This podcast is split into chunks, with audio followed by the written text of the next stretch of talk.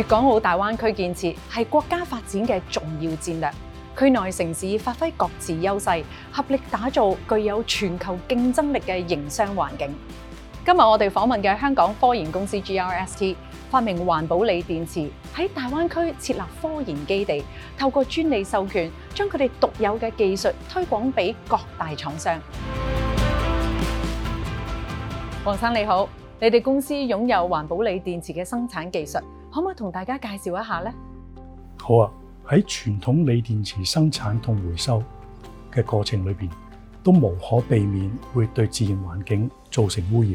我哋嘅創新係利用水性生產技術，以水取代咗有毒溶劑嚟生產，同時間亦改良咗鋰電池嘅構造，令回收過程無需燃燒或者使用強酸，可大幅減低生產同回收過程中嘅污染物。听你咁讲，呢啲都系新技術，投資大唔大？驚唔驚俾人抄襲呢？我哋公司的確投資咗好大嘅資源喺研發呢個新技術上面，要防止呢啲科研同開發嘅成果俾人抄襲，就要申請專利嚟取得法律保障。我哋嘅技術而家喺全球多個地方申請咗三百幾項專利，批出嘅已經超過七十多項。呢啲專利咁就可以轉化成為公司嘅無形資產。通过买卖、授权、联营等唔同嘅模式，为公司带嚟商机。你哋喺香港同埋顺德分别设立咗公司嘅总部同埋科研基地，可唔可以分享一下大湾区为科研公司所带嚟嘅优势呢？